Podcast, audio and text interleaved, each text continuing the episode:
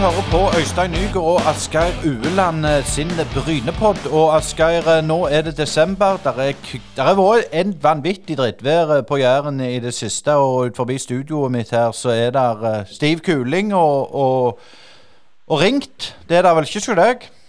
Jo, eh, om det ikke er stiv kuling, så er det iallfall eh, kul stiving. Eh, det og eh, regnet høljer ned, så jeg føler meg mest hjemme i dag. ja, men i løpet av denne podden så skal vi ha en eh, svenske på eh, tråden ifra, fra Bergen, og Magnus Johansson, han husker vi som trente Bryne. og det som er litt spesielt med han, vi skal forhåpentligvis innom det, det er at han er en eh, europacupmester. Det er han, og, og spilte for eh, storlaget IFK Göteborg i den tida der Sverige var best i alt. Så vi får kanskje høre hvordan det var når Sverige var best i alt. Sparebanken Vest er ikke som andre banker. Den største forskjellen er at det er du og de andre kundene som eier banken, og alle verdiene som skapes, de skaper vi sammen. Verdiene gir tilbake til deg og lokalsamfunnet i form av kundeutbytte til deg og samfunnsutbytte til lokalmiljøene. Hos oss vil du møte en personlig bank og få din egen dedikerte rådgiver. Enten du trenger en prat eller ønsker å fikse ting sjøl, så er vi lett tilgjengelige for deg. Ta gjerne kontakt med oss på spv.no. Håper du vil bli med på laget. Hei, det er Hanna Kvarneland fra Privatmegleren Jæren. Er du på boligjakt, eller vurderer du å selge boligen din? Vi i Privatmegleren Jæren er ekte lokalmeglere med spesielt god kompetanse og et godt fotfeste om boligmarkedet her på Jæren. Ta kontakt med oss i Privatmegleren Jæren på telefon 51 48 86 00, eller kom innom oss i Torgata 2 på Bryne. Privatmegleren Jæren. Alt vi forventer, er at du forventer mer av oss. Det er desember, det er surt ute, og da skal vi ta en telefon til en kar som bor i Tertnes, eh, Asgeir. Og det er ikke Tertitten borettslag, men eh, det er Tertnes. Ja, de er vel eh, godt kjent for håndball, men velkommen Magnus Johansson. Tack för det, tack för det. Magnus, eh, när når vi har fått deg på, på tråden i studio, så må vi jo begynne med, med vakre Sverige. Eh, ser for meg en god eh, sommersdag på Nye Ullevi og noe sånt. Men eh, du eh, mar- markerte deg jo som, som fotballspiller i IFK Göteborg eh, den gang IFK var den beste klubben i, i Skandinavia by far. Eh, men det var ma mange ting i Sverige på 80-tallet. altså Svan härja i längdspåret, Wassberg var där. Handbollslandslaget i Sverige var exceptionellt, Hockeylaget var bra. Fotbollsmässigt var de bäst i Skandinavien. Eh, Volvo var ännu kult. Eh, kan du säga något om den driven som var i Sverige på 80-talet? Har du reflekterat på det senare? Varför det var så på 80-talet att Sverige liksom var ledande i, i alla fält? omtrent? Nej, det, det är klart man har tänkt på det några många gånger. Du må inte glömma tennis och bordtennis heller med Jan-Ove Wallner och, och Björn Borg och Mats Wilander och hela den. Men eh, eh, det är riktigt, vi var duktiga i väldigt många idrotter. Eh, vad det beror på det är nog väldigt svårt att se, se och tänka efter men det eh, jag har ju mött många av de här i någon anledningar och eh, det har varit eh, vad ska vi se, man, det är otroligt vanskligt att sätta något speciellt på det men det ena framgången före kanske till den andra.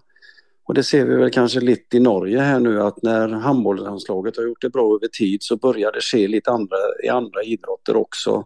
Vi har ju till och med fått golfspelare här i Norge nu som har blivit väldigt, väldigt duktiga. Så att jag tror att inspiration och motivation från andra idrotter och en del samarbete på tvärs på en del skolor påverkar det också. Så att eh, det är nog många faktorer men speciellt det här att andra människor lyckas i andra idrotter motiverar lite. Men, men det du kjenner nærmest, er jo IFK. Og, og dere kom jo inn på en bølge fra, fra 84, når, når IFK vant med Svennes, vant eh, Uefa-cupen, eh, var det vel. Eh, hvordan, var, hvordan var det i IFK på den tiden? Nej, det var väl fram till eh, 80-talet så var det väl lite Eh, upp och ner. Man eh, hade väl några SM-guld tidigare på 60 och 70 och men eh, det skedde någonting när Gunde Bengtsson kom in som tränare samman med en som heter Kjell Pettersson.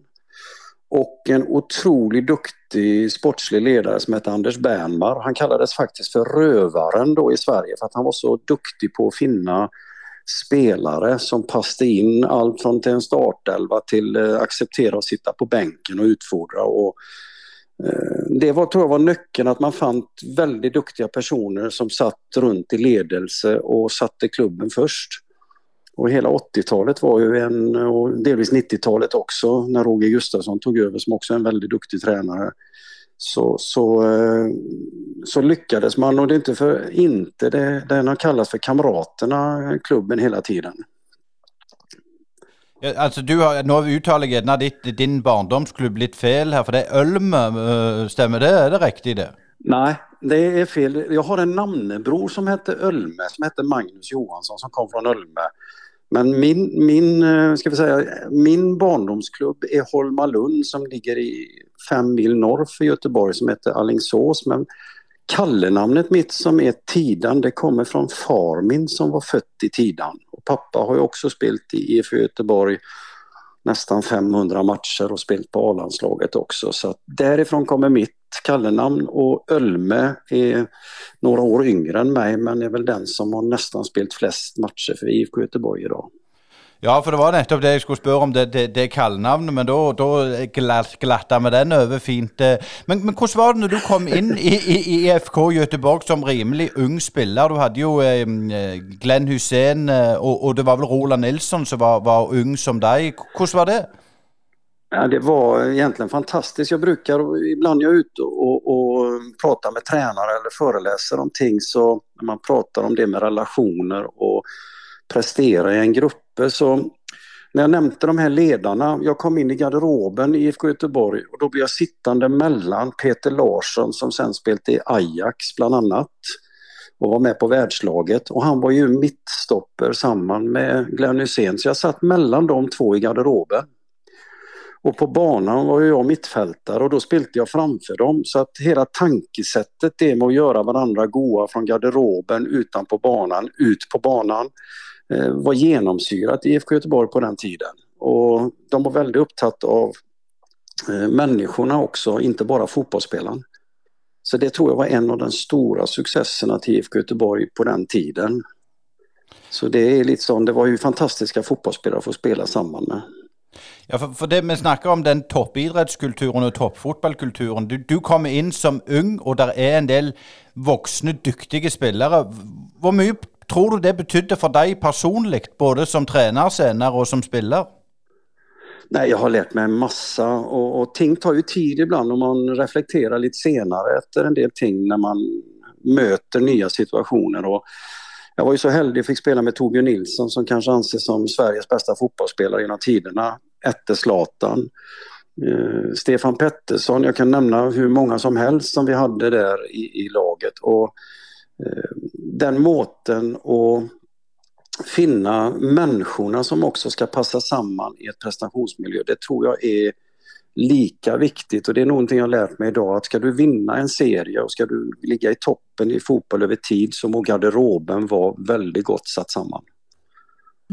Men eh, Magnus, jag vet inte vilken synd du begick för sedan du hamnat i brand, men alltså når du går til Brann i, i, i, 1993, så, så, er det jo en sånn, en, det er en sånn paradigmeskifte i skandinavisk fotball. Det er liksom slutten på IFK og begynnelsen på Rosenborg.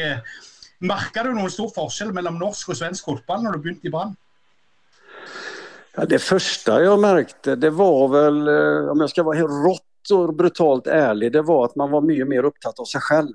Det var, eh, i alla fall i Bergen och Brann, Eh, jag kom ju samtidigt som Tore Pedersen som tog med mig upp. Och eh, det var eh, en lite sån omvältning för mig att komma upp till Bergen och Brann på den tiden och jag visste inte så väldigt mycket om det. Och Halva Thoresen kom som ny tränare från proffslivet och skulle pröva sätta ut sina idéer då som kanske i en ska vi säga, satt kultur i Bergen och Brann var lite för eh, tufft för någon och någon eh, likte då att det kanske inte gick så bra för oss alltid och prövde då arrestera Halvar som var en otroligt duktig tränare som tyvärr få icke fick uppleva och, och se så ofta. Va? Men eh, det var en, en, annan kultur. Det var den största forskellen menar jag. Siden du, du er jo trener sjøl og, og, og kan yrket, men altså Halvard, var det mye eh, eh, altså, Jobbet han ut mye fra den, den hollandske, klassiske hollandske modellen når han trente i Brann? Nej, det, det, som han kom med var ju ett att pröva att professionalisera oss från allt från kost. Han var ganska tidigt ute med kosthåll. Eh, träna förnuftigt med styra belastningen. Eh, och så var han otroligt mycket på detaljer i träningen, det vill säga tekniska färdigheter som han kom ifrån från Nederländerna.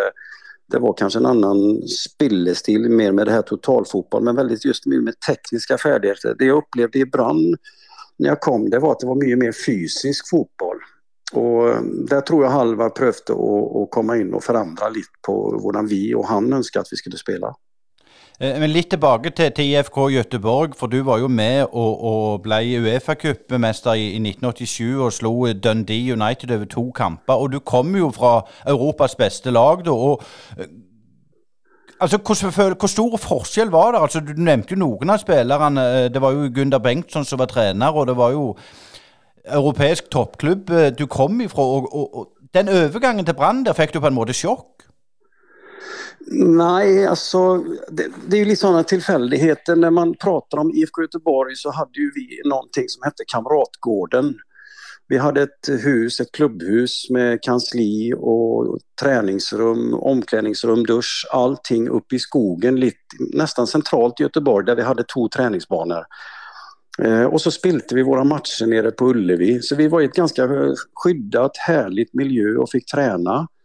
Eh, I Bergen så var det väl lite så att när jag kom då, då var det faktiskt grusbanor som låg utanför och vi hade fått en konstgräsbana ute på Askö som vi pendlade till fram och tillbaka som var lite eh, jobbigt att köra till. Så att träningsfaciliteterna var väldigt stor forskel i tillägg till eh, stadion på, brand, på den tiden var ju ganska gammal och förfallen kontra det vi hade i Göteborg. Och tillfälligheten att jag hamnade där är ju också lite Eh, märkligt för att jag har varit i Bergen en gång tidigare innan jag kom då till Brand Bergen. Och det var att vi faktiskt spelade minneskampen med IFK Göteborg för Knixen när han dog. För han dog ju på en träning där med Allboys-laget till Brand. Och den hösten kom vi upp och spelade en minnesmatch. Och jag tror det var en, någonstans mellan 5 och 10 000 människor på läktaren som såg oss spela mot Brand och det var en eh, fantastisk atmosfär och så fick jag uppleva det efterpå möta publikum ordentligt senare på Brann. Och det, det var en stor forskel för att publikum på Brann stadion det var enormt och supportrarna det, det var mycket starkare än IFK Göteborg. Ehm, du snakker med to Liverpool-supportere, så vi skal slippe IFK-ballen. Men, men, vi må jo høre litt om Glenn Hussein. Kille var det? Vad vill du höra? Vad vill du höra? ja, det är en fantastisk fyr. Det är makan till um, omgänglig eh, vid sidan av fotbollsbanan. En fantastisk humor. Eh, otroligt duktig fotbollsspelare. Egentligen en fotbollsspelare som är enkel, eh, inte har mycket teknik men otrolig, spelar på sina styrkor. Det att kunna tackla och det att kunna nicka och hädda och vara en vanvittig trussel i bägge boxarna höll jag på att säga. Men, eh, men det är en fantastisk figur. Det är, mm, han har ju också fått en väldigt duktig son, Tobias Hussein, som precis har lagt upp. Så att, eh, arven där har ju gått rätt ner i, i tillägg men Glenn, det, han har jag fortsatt lite kontakt med också så att det är en väldigt, väldigt fin, fin gutt. Eh, vi ska snart dra deg over til, til Rogalandsfotballen, men, men, før det så har du jo eh, tilbrakt mye av din karriere, eh, din trenerkarriere og ditt liv i Hordaland, men, eh, eller Vestland som det heter i dag. Men Tror du det er noen viss årsak til at Brann ikke er et stabilt topp fire-lag i norsk fotball? Altså, De har jo publikum, de har befolkningsmasse. Alt ligger til rette for et godt fotballag. Men hva, hva er det i Hordalandsfotballen som gjør at Brann hele veien pendler opp og ned i divisjonen? Nu får jag väl detta...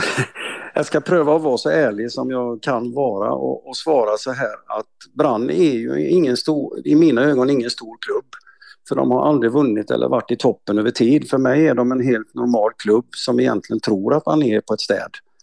Och eh, det kan hända att det har med eh, människor som jobbar där uppe för att eh, media är väldigt på här. Och media är antingen väldigt, väldigt positiv eller väldigt, väldigt negativ. Media har alltid kanaler in någonstans i systemet som gör att man är usikker ofta när man jobbar uppe på Brands stadion. Oavsett om man är spelare, tränare eller sitter med ekonomi. Och det är en kultur som egentligen inte är bra. Så att, eh, och kultur är människor. Och kanske man inte alltid har varit duktig nog så som jag förtäller om IFK Göteborg när vi hade framgången. Då var det människorna runt laget och i styre, i alla positioner som var väldigt, väldigt förnuftiga och inte hade, eh, om man ska säga en egen agenda och, och det var viktigt för mig att vara i IFK Göteborg. Eh, här kanske det är en lite annan kultur i Bergen så som jag upplever det att det är väldigt viktigt att vara i sportsklubben Brann i någon form för roll och så blir man plötsligt spist upp av att det är så många som syns och menar och då speciellt media så blir man kanske lite försiktig, lite rädd till slut och så får man inte ut sitt potential varken som styreledare eller styremedlem eller ekonomichef eller fotbollsspelare eller tränare. Så att det är en sån cirkel som går här uppe som förhoppningsvis efter vart kanske någon gång kan bli lite bättre. Eh, Magnus, för en del år sedan, eh, för du eh, blev, eller efter du hadde vært brytetrener, faktiskt, så, så, var jag på Kronsmynte och däcket en, en eh, Lövhamn-Bryne-kamp. Det var ju eh, 300 människor på stadion, och, och 50 procent var studenter från Jæren. Men er det sånn at Brann er, altoppslukende i Hordaland. Altså, de, de, de, andre klubbene, selv om de gjør det bra, så er det sånn Fyllingen hadde en periode, Løvham hadde en periode, Åsane hadde en, en periode osv. Er det veldig vanskelig for nummer to-lagene i Bergen? Det är ju det för att uh, eh, samarbetspartnerna, det är ju någon som jag säger, det är de menar ju själva att de är en stor klubb och samarbetspartnerna syns det är käckt att vara med där uppe och det är all ära för att Brann gör en god jobb där så är det kanske lite synd att det inte är fler klubbar som får större uppmärksamhet. Nu börjar Åsarna eh, ska vi säga, både producera spelare, duktiga ledare och det sker någonting runt klubben med arenan. Eh, vi har haft eh, perioder där, som du säger med Löva, men vi fick ju aldrig folk för att vi låg mitt i, i Kronsminde och mitt i det här Danmarksplatskrysset. Eh, nu kommer Sandviken damer som går in i brand och de har haft en upptur tack vare damfotbollen generellt och börjar få ganska stor uppmärksamhet. Och det börjar se lite ting för att eh, jag ska väl inte säga att kanske någon bedrifter vaknar upp för att det är andra duktiga klubbar och det syns jag är sunt för då må Brann göra och jobba ännu hårdare för att få sin uppmärksamhet igen. Men kanske lite oförtjänt har de fått för lite stor del av kakan av eh, ekonomin här i byn. Det, det kan jag vara enig i. Eh, Litt tilbake til, til, din karriere, Magnus. Du var jo i Brann, og så, og så var du i, i Haugesund i, i, din siste periode. Og, eh, hvordan var den overgangen fra Brann til Haugesund? För mig så var den eh, både spännande och väldigt, väldigt käck. Jag kom till ett väldigt gott miljö, ett väldigt gott spillarmiljö i Haugesund.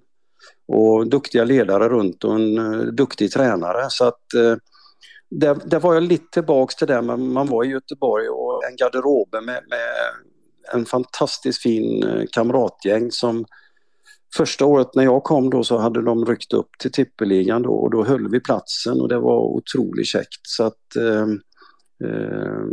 eh, det, var, det var en fin övergång, en, en en bra klubb med kanske inte de bästa faciliteterna, varken träningsmässigt eller på, på, med klubbhus och sådana saker. Men människorna väldigt, väldigt bra. Och så blev man väldigt gott mottatt i byn Haugesund för det var, det var svung över fotbollen där då. Det var jättegöy att vara där.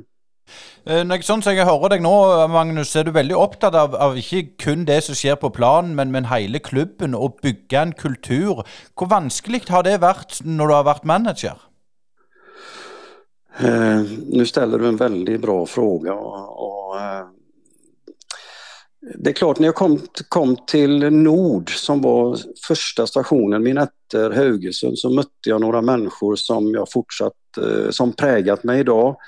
En Atle Ertsland och en Ove Nedrebö som var ledare i klubben som eh, eh tog emot mig och en eh, Vikanes som eh, tyvärr har avlidit, som eh, eh, hade samma tankar som jag har idag, att det var viktigt med folken, människorna. Eh, jag har haft några fantastiska spillare som jag fortsatt har kontakten med också eh, i Hugesund. Och det fick mig att tänka att det var inte bara det här fotbollsfagliga du ska putta in i horderna på dem, men du måste faktiskt skapa den här goa kulturen där man är trygg på varandra och till och med familjerna runt ska vara trygga på att komma in och prata med mig eller med någon annan på laget. Så att eh, det har betytt mycket de första åren i Nord som kanske har präglat mig framöver. Så, så, du lærte mye der, men så, så ble det jo selvfølgelig Løvham og, og, og Bryne Åsane til slutt. Men, men, men, men, når du kom til Løvham, det var jo eh, vi sier jo litt flåsete, et borettslag. Eh, hvordan ja. på en måte angrep du den utfordringa? Det var ju ett lag egentligen som eh, hade ryckt upp ganska mycket och brukte mycket pengar i andra division när jag kom. Och tränade väldigt mycket. Alla var i full jobb och hade familjer.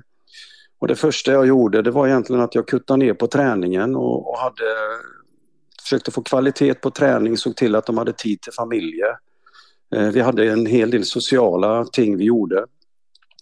Eh, vi brukade mindre pengar på spelarna efter vart och eh, jag försökte forma den garderoben igen för det var ett fantastiskt miljö i Lövhamn när jag kom och det fortsatte att vara ett fantastiskt miljö och det var kanske där efter, efter vart att de klart att rycka upp efter jag hade försvunnit. Va? Eller jag var ju med och ryckte upp för guds skull. Snälla vän, det glömde jag ju. Så eh, vi, vi, vi, kom, vi kom oss upp och vi höll platsen och efter det var det då att flytta till Bryne. Men, men för vi går till Bryne, alltså Öystein eh, är lite kjapp i vändningarna här, Men alltså när eh, var det tränargärningen din blev ble tent? alltså den lusten till att bli tränare?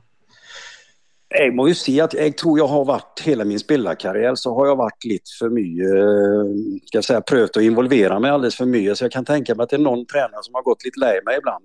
Jag har haft mina meningar och ganska starka meningar och så har jag blivit bättre efter åren och, och se dem på rätt städ och rätt tid. Så att eh, den har nog alltid legat i mig och i tillägg så var ju pappa min tränare efter sin karriär och eh, varit min egen tränare så det, det har väl legat i mig hela tiden. Men eh, kan du si noe om när når Bryne kom på banen, og hvordan den overgangen fra Løvham til Bryne eh, kom i stand? Nej, vi gjorde det ju bra med, med, med Lövham och i det året vi höll platsen så vet jag att vi mötte, vi spelade alltid före, alltså mot motståndaren före Bryne. Och Hans-Olov ringde alltid mig Eh, Frette som då var tränare i Bryne när jag hade Lövham och, och så pratade vi om motståndarlaget. Och eh, när den säsongen var färdig och vi hade hållit platsen så då var det ett par klubbar som var intresserade men så var det Alf Inge som kontaktade mig via Hans-Olov här och jag fick ett väldigt gott intryck av Alf Inge och det har jag fortfarande som eh, i förhållande till klubben och nej, alltså edruligheten som var som jag menade han hade Eh, Eh, och så visste jag att jag hade en fotbollsfaglig stark eh, sportslig ledare, Alf Inge, så att eh, för mig var det en väldigt fin eh, eh, möte med en klubb. Och så syns jag det mm, i förhållande till faciliteterna som var där med banan, klubbhuset, allting som låg och väldigt nära till det mesta. För min del så passade det väldigt gott. Inte den största klubben men ganska en sån familj följde jag det var i begynnelsen där när jag kom. Men när du hade varit någon månad innanför klubbhusväggen, eh, var det det du trodde det var? Uh, ja nu uh, Jag tror väl att det kanske var någon, uh, någon som, annan som var väldigt lusten på jobben, men jag fick den. Och det är klart när man kommer ny och jag var ensam då, många tar ju med sig ett team. Så eh, jag vet, jag fick några råd bland annat av eh, Måseide träffade jag utanför, för han drev ju sportsklubb där som senare blev Elexia. Och han sa en sak till mig som eh, jag tog med mig och den, den, den vill jag inte se här kanske men och det, jag, jag var nött att göra någonting för att pröva få en god dynamik i spelargruppen. Och um, i förlängelse av det så var ju en av sakerna jag gjorde det var ju att jag rev ju ner de här väggarna inne i garderoben vi hade så att folk satt och såg varandra i ögonen istället för att man egentligen gömde sig in i de båsarna i garderoben. Så att uh, det var väl någonting som eftervart blev uh, uppdagat men som vi begynte att jobba med som blev mycket, mycket bättre eftervart. Eh, men tror du det, den kulturen altså Bryne er jo blitt en, en, stor eh, Eller var en stor klubb, og folk tror jo det er det ennå, på en måte. Eh, er det problem for klubb? Altså litt à la Brann? Nu, nu, vet jag inte hur, hur, kulturen ser ut i Bryne idag men, men visst man hade haft flera människor som Edith och Sverre som har ett hjärta för klubben och gör allt. Alf Inge också på den tiden han var där. Det är klubben som betyder någonting. Då, då kan man lyckas. Och Visst man får för många med för mycket egna intressen så, så, så är det vanskligt. Och, eh, jag brukar säga det att när man är ute och pratar man må ha och bygga relationer varje dag i en klubb. Den ena dagen vill jag hälsa på en spelare eller inte ser en spelare och det, han inte startar nästa fotbollsmatch så är det han som startar min eh, nedtur in i garderoben. Då börjar man bygga rejr. Va? Och det är så viktigt att ha en eh, både sammansatt spelargrupp, tropp, där det är människor och fotbollsspelare som förstår lite var man är i livet själv. Och det andra är ju att man, man, eh, de blir känt med mig som tränare och vi blir känt med alla. För jag tror dynamiken i hela prestationsgruppen, det är inte bara spelarna och tränaren utan det är hela området runt det och hela klubbhuset och människorna som bevegar sig där inne. Men eh, Magnus, du var ju den eh, fjärde svenska tränaren till Bryne från Ken Karlsson, eh, Rosén och, och Reine Almqvist. Blev du liksom kryssrefererad mot de tidigare svenskarna när du kom in eller kände du du fick lite carte blanche? Ägfullt. jag fick väldigt kort blanche och väldigt gott mottatt. Jag hoppas inte jag blir den sista svenska tränaren, så det är sagt, så att jag har gjort en sån dålig intryck. Men eh, äg, eh, den måten vi spelade fotboll på Lövan tror jag appellerade till eh, folken i Bryne. Så att eh, det var, och så är det ju alltid vanskligt att genomföra den spelidén med en kanske en annan sammansatt spelargrupp som hade blatsat samman av en annan tränare under lång tid. Eh, så att den eh, övergången eh, följde jag att vi tacklade ganska bra även om det var några utfordringar med, med någon som det alltid är i sådana situationer. Men vi blev i alla fall nummer tre första året och fick kvala så det syns jag var väldigt, väldigt bra. Men Magnus, alltså åren före du kom till Bryne så hade det ju klubben rykka ned. Eh, Økonomisk var jo eh, en, en branntomt. Eh, hvor mye hadde du av penger å rutte med når du kom in i jobben? Var det, var det på bedringens vei? Det var väl lite på gång. Jag vet att Alf Inge kom in och vi hade ju otroliga stöttespelare i Tore Li och speciellt Åbacken eh, på den tiden. Men jag, om inte jag huskar fel så hade vi 10 miljoner i budget eller någonting på den tiden och året efter jag slutade när han Teigen kom in så tror de höjde det till 19 eller 20 miljoner. Så att det var inte all världens budget och jag kan tänka mig att Alf Inge brukade säkert en del av sina privata pengar till Noe men eh, eh, jämföra med Lövan på den tiden så hade vi 4 miljoner i budget. Men det, alltså, det är ju 15 år sedan, eh, 2006, när du kom in dörren på Brynäs stadion. Eh, för den yngre garde, kan du säga lite om din spelstil och din fotbollsfilosofi? Vi var, eh, alltså jag var ju en, eh, ska vi säga en sån 4-4-2-man eh, som kom med en keeper, det må vi inte glömma, för annars blir Stinesen på fotbollförbundet väldigt sint på mig. Vi, egentligen ganska fritt offensivt med, med, där kanter kunde få välja in eller utöver och en eh, spillestil där vi kom väldigt mycket till inlägg. Det var det jag tog med mig. Eh, offensiva backar, eh, spela fotboll på backen. Och det är klart, det blev lite, kanske lite annorledes med, med jag hade Polo Yoga som var en fantastisk fotbollsspelare och smart fotbollsspelare på topp som både var stark i luften men som kunde spela och hade en Allan Bogart, en danske som var, som var fina spissar, men lite annorledes än det jag hade haft tidigare. Så lite sådana justeringar fick man göra hela tiden. Och jag tror Bryne på den tiden var van i en 4-3-3 eller en 4-5-1 formation. Så att eh, det tog en liten stund att, att, att få sätta sitt präg på det. Och kanske fick jag för kort tid också. Ja, det var litt mitt, mitt, neste spørsmål. Jeg ser, Nå vet jeg ikke om transfermarkedet om de stats som stemmer, men 43 matcher og en poengsnitt på 1,6, som er veldig, veldig bra. Eh, Fikk du for liten tid, og hvorfor ble det så kort tid? Nu kommer de här svåra frågorna igen. Det, det är sådana frågor du egentligen behöver ställa till de som fick mig ut. För det var några få stycken som fick mig ut och det, det har jag varit öppen och ärlig om att eh, det var ju folk som hörde dem på och sida att nu har vi äntligen fått ut Magnus, det vi har jobbat för en stund och det var ju faktiskt folk som jag hade på laget och som var väldigt runt laget också. Eh, och det är ju trist när det blir så, det är därför jag pratar om den kulturen. Det, det, det är igen en sak som jag brukar ofta när jag är ute och föreläsningar, att en av de största läringarna jag fick i förhållande till relationer, det var i Bryne. Där jag trodde jag kände allihopa och, och jag trodde att de kände mig. Och eh, det är klart, eh, från år ett när vi kvalade och rök mot Odd, som egentligen var också en sån fascinerande historia när vi inte hade målvakt, för alla målvakter var skadade och vi hade Bernhard som var 16 år och fick stå i mål. Men i första kvalmatchen så fick vi låna in Erik Holta som då kom från Odd och hade blivit sparkat ut där och det var massa grejer och det var en del sköna avgörelser som gjort som kanske inte var förnuftiga. Men in mot år två då så en av anledningarna kanske till att jag också är att jag är ganska frispråkig ibland och jag sa vid en anledning att så som vi ser ut nu spelartropp så tror jag kanske att vi ska vara glada om vi blir bland de fem bästa. Då gör vi en väldigt god prestation.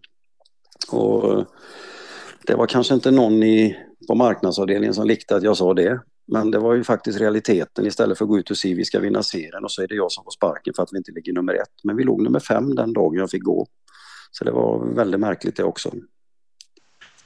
Men, men, var det altså Bryne eh, Følte du i din tid, og det vet vi av, av andre trenere har sagt om at, det, at kartet ikke helt stemte med terrenget? At man forventet at Bryne skulle rett opp i, i tippeligaen igjen? Det är klart, får du en, en säsong med full klaff så, så, eh, så kan det gå. Jag vet inte om... Vi ser ju Sogndal klara det titt och tätt. Eh, jag följer Sångdal har en annan sån kultur med hela anlägget där uppe och skolan och allting som ligger i, i väggarna. Eh, när det gäller Brynäs så kanske det var någon som eh, eh, trodde och ville det mer för att vi skulle kunna ska vi säga, få, få fortsätta där vi var och, och var nästan där uppe hela tiden för det är ju att ha Brynäs på kartet, eh, det, det, tror jag var viktigt för väldigt många där nere. Men Magnus, dette var jo på en måte den første, vel gjerne den største trøkken som eh, både og, og, og spiller. Hvordan, hvordan takla du det? Var, var, det veldig tøff tid for, for deg personlig? Eh, när beskeden kom så vart jag ju väldigt överraskad. Jag hade ju fått med mig från starten av att det var någon nästan när jag kom in dörrarna som kanske inte likte det så gott. Men eh, den dagen, eh, som du säger, det var en skicklig tryck. Men den uppbackningen jag fick av väldigt många spelare efterpå som både kom hem till mig och ringde mig och i alla fall till mig så upplevde jag och sa att de var lite överraskade. Det var en otroligt fin stötte. Så att, eh, men det tog eh, många dagar för att eh, man följer sig som hela världen ser på det bara för att du får sparken i brynen. Men det är ju egentligen bara jag själv som upplever det så.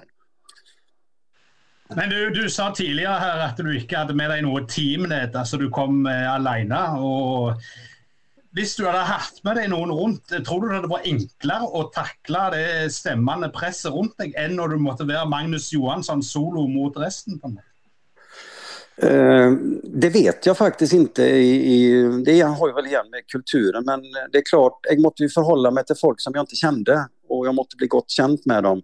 Eh, heldigvis fick jag in Kenneth Aidsönet efter vart som är en fantastisk människa och en väldigt duktig fotbollstränare. Jag lärde mig massa av honom. Och eh, då var det mycket enklare att ska säga, både kommunicera, prata, få genomföra, få reflektera. Eh, och jag tror inte Bryne är den störelsen på klubb där man kan kräva att man ska komma in med en fysio och man ska komma in med en eh, hjälpetränare och så vidare. Så att när jag fick in Kenneth så, så följde jag att då, då började det fungera mycket, mycket bättre. Och så hade jag ju då eh, Örjan Li som fysio som också var faktiskt en ganska duktig fotbollman. Som eh, var en väldigt god samarbetspartner för mig. Och Alf Inge då som var väldigt flink att prata med mig. Uh, neste stoppested blir jo Åsane, da. Og det, det, gikk jo ikke sånn kjempelenge før du var i, i, i manesjen igjen. Og Måtte du gå en del runder med deg sjøl, eller var det bare sånn å hoppe på? Nej, det, det, som skedde när jag måste gå från Bryne, då, då, det gick ju en timme så ringde ju gamla folk från Bergen och spute och eh, Eh, då låg ju Åsarna på, jag tror de låg 10 poäng bak sicker plats i andra division var det väl på den tiden, alltså serien under Brynne. Och då sputade de om jag vill komma och ta över och det slutade med faktiskt att vi mötte Ålgård borta i sista matchen och bärgade platsen i andra division. Så det var en, eh, det var fort in i manegen igen och fort glömt och otrolig upptur som eh, egentligen fortsatte några år i Åsarna där vi var en topp tre, fyra, fem i många år där utan att lyckas ta steget upp utan det gjorde de efter mig med, med Kjetil Knutsen då som eh, tog över. Men eh, var det då en gång du var inne på tanken om att bruke gamla kontakter i IFK eller i Sverige och, och rätt och slett resa tillbaka till Sverige och pröva sig i den svenska i allsvenskan eller något sånt? Nej, jag har ju varit svag för norska damer. Det är ju det som har varit problemet. Så att, eh, jag, har ju gift, har ju varit gift, eller gift för andra gången här nu och, och har två nydliga guttar här på eh, syv och nio år plus att jag har två barn som är vuxna nu. En bor i Oslo och en bor faktiskt i Sverige. Så att eh, jag är stuck här. Så att eh, igen så är för mig familj, vänner, människor runt mig lika viktiga som eh, fotbollen är för att jag ska ha det bra. Magnus, du vet att alla norrmän på din alder eh, är ju väldigt svaga för Malin från Vi på Saltkråkan. ja, det var jag också. ja, fytti grisen. Det, men, men det är alltså, nästan bättre än Ja, ja det, det, det, apropå norska damer, svenska damer alltså. Men, men alltså, eh, efter Åsane, hur gick vägen då? Nej, egentligen Åsarna så hade jag eh, fortsatt, var jag på väg att fortsätta där men så fick jag en, eh, en hänvändelse från fotbollkretsen här. För att jag hade varit uppe med ett litet sånt eh, projekt in till dem några år tidigare. Och så huskade de det och när han som var, Otto Nattland hette han, som var spelarutvecklingsansvarig i Hårdana fotbollkrets på den tiden, skulle gå i pension så eh, lutade de på om jag var intresserad i den jobben. Så att, eh, jag åkte upp och pratade med dem om den och den appellerade mig väldigt och jag var heldig som fick jobben. Det var många duktiga sökare förstod jag. Och sen dess har jag egentligen då jobbat i, för Norges fotbollförbund som spelarutvecklare och nu de sista ett och ett halvt, två åren som tränarutvecklare. Litt sånn Når du ser dette som spiller- og trenerutvikler med tanke på hvordan klubbene driver, der er det stor forskjell. Du har den akademiklassifiseringen som vi har snakket med, med Rune Skarsfjord om. Han har fortalt grundig hvordan dette fungerer. Men, men, er det en utfordring òg det at det er sånn som deg sjøl, som var en toppspiller og, og, og europacupmester og sånn, kom inn i trenergjerninga? Eller er det mer den akademiske? Eller trenger vi begge deler? Har du noe syn på det? Ja, nu, nu, vid spörsmålet är eh, akademiklassificeringen så är ju det en, eh, ska säga, en skalering för toppklubbarna i förhållande till att få mer eller mindre pengar i förhållande till hur de driver. Men det säger inte så mycket om kvalitet eh, på det som sker på fältet. Eh, och när det gäller, jag tror eh, någon är ju kanske skapt att bli tränare efter en fotbollskarriär. Det jag ser idag på väldigt många unga spelare som har en dröm och kommer in i toppklubb ganska tidigt det är ju att man, man, man blir spist upp av förväntningar av, från vänner, föräldrar, klubb som gör att man kanske mentalt sett inte orkar stå löpet. Jag var heldig och, och, och fick vara i min moderklubb ända till jag var 19 år. Jag kunde spela på A-laget i tredje division när jag var 14 år. Jag kunde spela med juniorlaget, 16-åringarna och mina egna. Det var tryggt, det var nära till fotbollsbanan. Jag har fortsatt kvar många av de vännerna. Idag så läser jag senast idag om spelare som egentligen eh, mentalt sett inte tåler och syns det alldeles för stor press från allting runt omkring. Och visst jag fått se någonting om detta som jag kommer se nu så är det så att många av våra toppspelare som kommer från Hårdaland har faktiskt debuterat på A-laget i sin egen klubb. Om vi tittar på Kollskogen som är stopper på branden idag. Han har då debuterat tidigt på Os A-lag och gått den vägen sen via Åsarna A-lag till brand. Eh, vi har Zachariasen nu som är ute som proff. Han startade på Tertnes, eller på Sund sitt A-lag och var, fick spela med sina alla åldersklasser och vänner väldigt länge.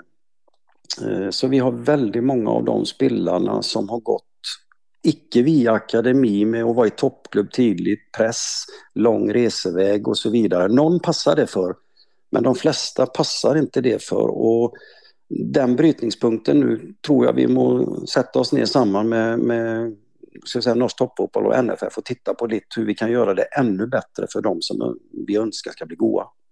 Eh, när når du selv var, var ung og lovende eh, fotballspiller, så, så TV var vel Det var vel gjerne kommet, men det var kanskje i svart-hvitt. Men, men, i dag òg dette med sosiale medier og sånn. Det presset, er det en utfordring for, for unge? Altså Alle ble, kan jo ikke bli Erling Braut Haaland. Jag tror det är kämpevanskligt för de som växer upp idag, som du säger, även om det var svartvitt på min tid. Men då hade du laguppställningen kanske i avisen och så skrev de om matchen.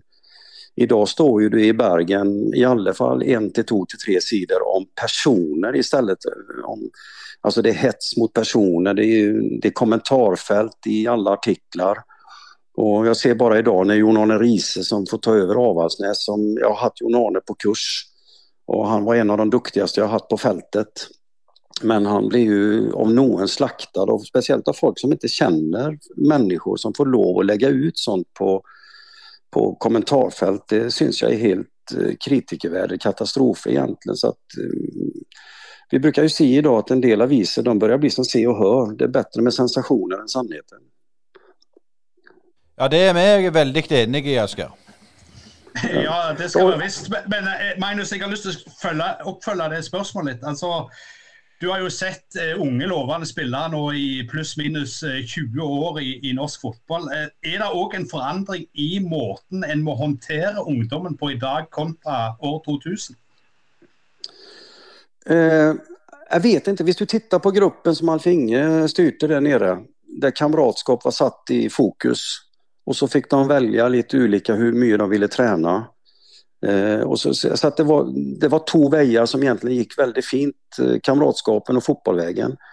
Eh, jag tror inte det är så stor forskel på behoven hos ungdomarna idag, men det är stor forskel på omgivelserna och intentionen hos någon, det vill säga tränaren. Är spelarna där för tränaren eller motsatt, eller klubben då som det är viktigare för klubben att vinna fotbollsmatcher som lag än att vi utvecklar individerna. Och när jag pratar om att utveckla individerna så är det människan också. Och det är därför Alf Inges motto att ta den här gängen så länge är helt fantastisk att höra på. Vi har några exempel här i Bergen också på kamratgäng som har hållit i, som alltså blivit fler och fler hela åldern men det kanske inte blivit lika många duktiga fotbollsspelare. Men för mig är det en gevinst och så igen så är det för, för mycket parametrar runt som tyvärr får lov att komma in och avgöra vad som sker med de här och som är jobbigt för ungdomen. Bare si det når du snakker om Alf Ingve Berntsen, da, som ikke blander med Alf Inge Haaland, som òg var inne i mm. Bryne en, en, liten periode. Men, men du, litt tilbake til det, for din far var jo òg fotballmann. De unge i dag har jo veldig ambisiøse foreldre som pusher bak, som har vært spillere tidligere sjøl. Når du var ung, var, tror du at dine foreldre pusha deg på noen måte, eller, eller ser du noe der som har endra seg òg? Pappa ställde alltid upp. Pappa sa aldrig någonting om det jag gjorde, men visst jag spurte så svarade han. Eh, och visst jag inte uppförde mig så svarade han och sa till mig. Eh, när jag har varit spelarutvecklingsansvarig i Hårdaland och vi har tagit ut kretslag så vi, tränar vi med det kretslaget i Västlandshallen. Det är ett städ där man må ta sig till, med bil till. Alltid på första träningen så är föräldrarna nött att vara med och komma in på ett möte med mig och kretsen. Och på det mötet så får de besked om att gå och sätta sig på Ikea som ligger vägg i vägg och spisa köttbullar, de svenska goda köttbullarna. Och det ser jag av en anledning. Och det är att hvis inte föräldrarna har sett träningen så må de spörra barnen på väg hem i bilen om vad och hurdan det har gått. Har de sett träningen så är det många föräldrar som sitter och förtäller vad de borde ha gjort. Och där som ni säger så tror jag det är alldeles för många föräldrar idag som eh, ska mena och synas istället för att barnen får lov och så blir spurt och så får de förtälla det de vill och föla stötte. Det är en stor forskel. Når tror du den, den endringa kom, eller er det blitt gradvis, eller är det noe du har sett när du har reflekterat över? For det oppfatter jeg du virkelig har gjort. Ja, ja alltså det, när media, som du pratar om det här med, med allt det här som mobiltelefoner, alla de här apparna som finns idag där man egentligen kan följa en människa 24 timmar i dygnet. Du får se och tycka vad du vill. Så att det, det har egentligen kommit med hela det eh, fotboll på tv, pengarna som det står i avisen varje dag, hur mycket folk tjänar. Alltså, Förr läste du en avis och kanske du visste vad en spelare tjänar om du var heldig för att du visste, kände någon som kände någon. Men idag så det bara trycks in i föräldrar, i spelare och, och så tror man att det är så nära på grund av att det ligger i alla medier. Va? Så, så eh, hade jag varit, hade jag släckt ner alla ting och så börjat sälja aviser igen. men, men, eh, Magnus, jeg vet ikke hvor mye eh, kontakt du har med, med svensk fotball, eller hvor mye følger med i, i, hva de driver på med i Sverige. Men kan du jämföra litt mellom Norge og Sverige? Er det samme systemet, eller er det forskjeller på de to landene? Vi är otroligt heldiga i norsk fotboll att vi har ett fotbollförbund och vi har fotbollkretsar som samhandlar väldigt, väldigt bra. Eh, och i det stora bildet då, i Sverige så är ju alla fotbollkretsarna sina egna kretsar som har egentligen väldigt lite sammanhang med eh, Svensk fotbollförbund. Eh, det kan vara gott och ont men jag följer vi har en otroligt bra modell och det ser vi med landslagsskolan idag och hur vi har klättrat på ska vi säga, rangeringen med våra landslag och hur duktiga våra ungdomslandslag är idag. Och det vi börjar se det på A-landslaget, men vi har ju det yngsta A-landslaget idag tror jag i Europa nästan. Så att det kommer bli väldigt bra, det kommer fortsätta bra.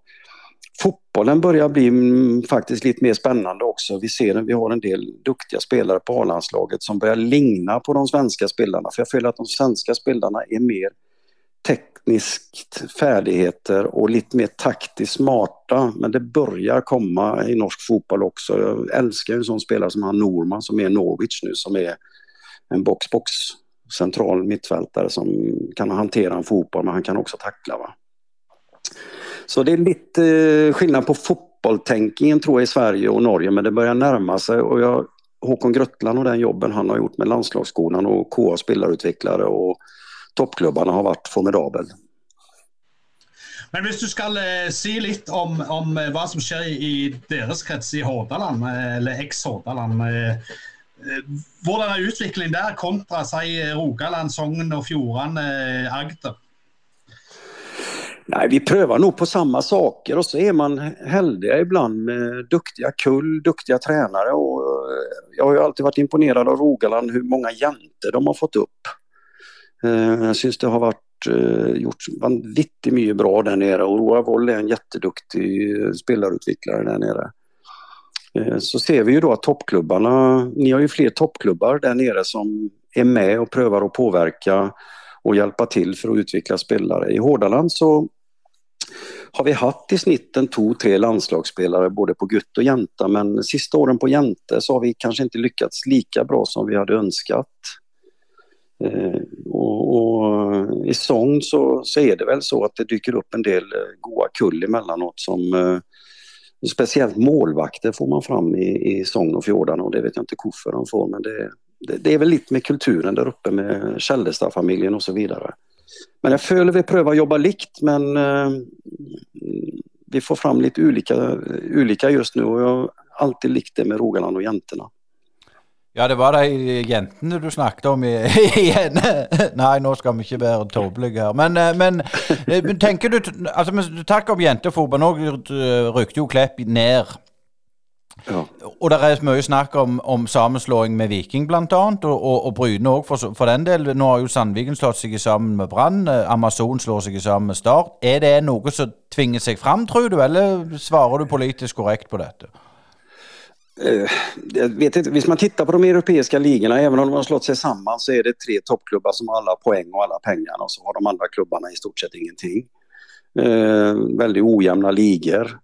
Eh, jag tror att visst norska fotbollslag ska fortsätta ta steg. Jag känner Paul Hansen som har fått igång Sandviken de sista två, tre åren och fått dem dit de är och han är en eh, fantastisk eh, fotboll och eh, bedriftsman så säger han nu att ska vi hänga med i Europa så må vi utvidga, det vill säga vi må ha bättre träningsfaciliteter, vi må ha bättre administration och så vidare och bättre spelare och då hänger det samman att man kanske må in och få ett märkenamn som står ganska starkt så att det är lättare att sälja. Va?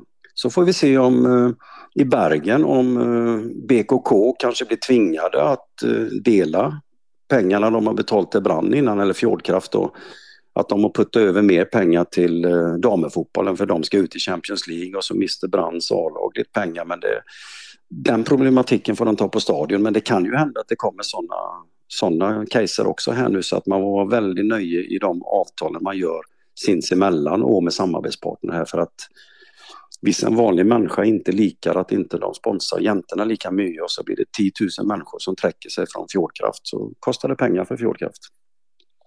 Men Magnus, jeg har lyst til å spørre deg litt som, som gammel trener og, og, som en som kjenner norsk fotball bra siden tidlig 90-tall iallfall. Eh, hva tror du er årsaken er til at Norge har stagnert i, i, i europeisk fotball? Vi har jo ikke den der Champions League-kvalifisering lenger. Bodø-Glimt er rett nok med ennå i, i, i, sin liga. Men, men alltså, vad, tror du den stagnationen till norsk klubbfotboll eh, kommer ifrån? Jag vet inte om det är stagnation för att Rosenborg har ju varit ute eh, väldigt länge och, och stoppat upp lite. Det var ju samma som skedde med IFK Göteborg egentligen, att det stoppade upp eh, på, kanske av några grunder och man kanske var lite för sen på en del ting. Men när vi tittar på Bodeglimt idag som alltså dominerar den gruppen och är ute i Europa. Med, med, jag syns det är fantastiskt. Jag ser att det sker någonting i norsk fotboll. Molde spelar ju också en fantastisk fotboll. Vi, har, vi säljer unga spelare, vi säljer spelare som spelar fast i ligorna. Det gjorde vi inte för, för en tio år sedan. Jag tror att om, vi, om du väntar 5-6 år så har vi kanske ett lag som är och luktar på Champions League även om det är svårare att komma in där nu. Jag tror vi har två till tre lag som är med i Europa League varje år. Eh, Jag ser kämpelyst på det här och, och, när vi ser vad Stabäck har sålt för sista åren, när vi ser vad Bodeglimt börjar sälja spelare, Molde säljer eh, och de brukar faktiskt pengarna sen ofta i Norge igen. Så att det, det, klubbarna blir starkare och starkare av det här. Och det var ju en filosofi Rosenborg hade också att sälj spelare men bruk pengarna på norska spelare för då blir pengarna kvar i landet. Och kan vi göra det så går det några år till så är vi ganska starka hoppas jag. Det høres bra ut, Magnus, og, og framtida ser lys ut. Men sånn for, for din egen del, eh, det er jo en, en, manager i magen. Og, og hva eh, tenker du om, om, om framtida? Blir det, blir det kretsen, eller eh, har du jeg skulle ikke til å si større ambisjoner, men litt andre ambisjoner? Nej, som jag hela tiden har pratat om här så, så är det mycket annat som betyder mycket för mig och det ska mycket till för att jag går tillbaks i en tränarroll. Även om det varit klubbar som har spurt mig de här åren. Och jag har en jobb där jag får med, vara med och träffa människor, får vara med och forma och de formar mig. Eh, jag jobbar med någonting jag bränner för ofta nu i tränarutbildning och det är relationskompetens, eh, hur viktigt det är att eh, ta med in i de lagen som tränare du ska jobba med och så vidare. Och jag har en fantastisk arbetsplats. Jag följer jag sitter i samma garderobe var dag som jag gjorde i IFK Göteborg med massa duktiga människor runt mig. Även om NFF låter lite som traust och och, och så vidare. Och, men eh, för mig så sitter jag idag på ett perfekt städ med en perfekt familj och har det egentligen väldigt, väldigt, väldigt bra.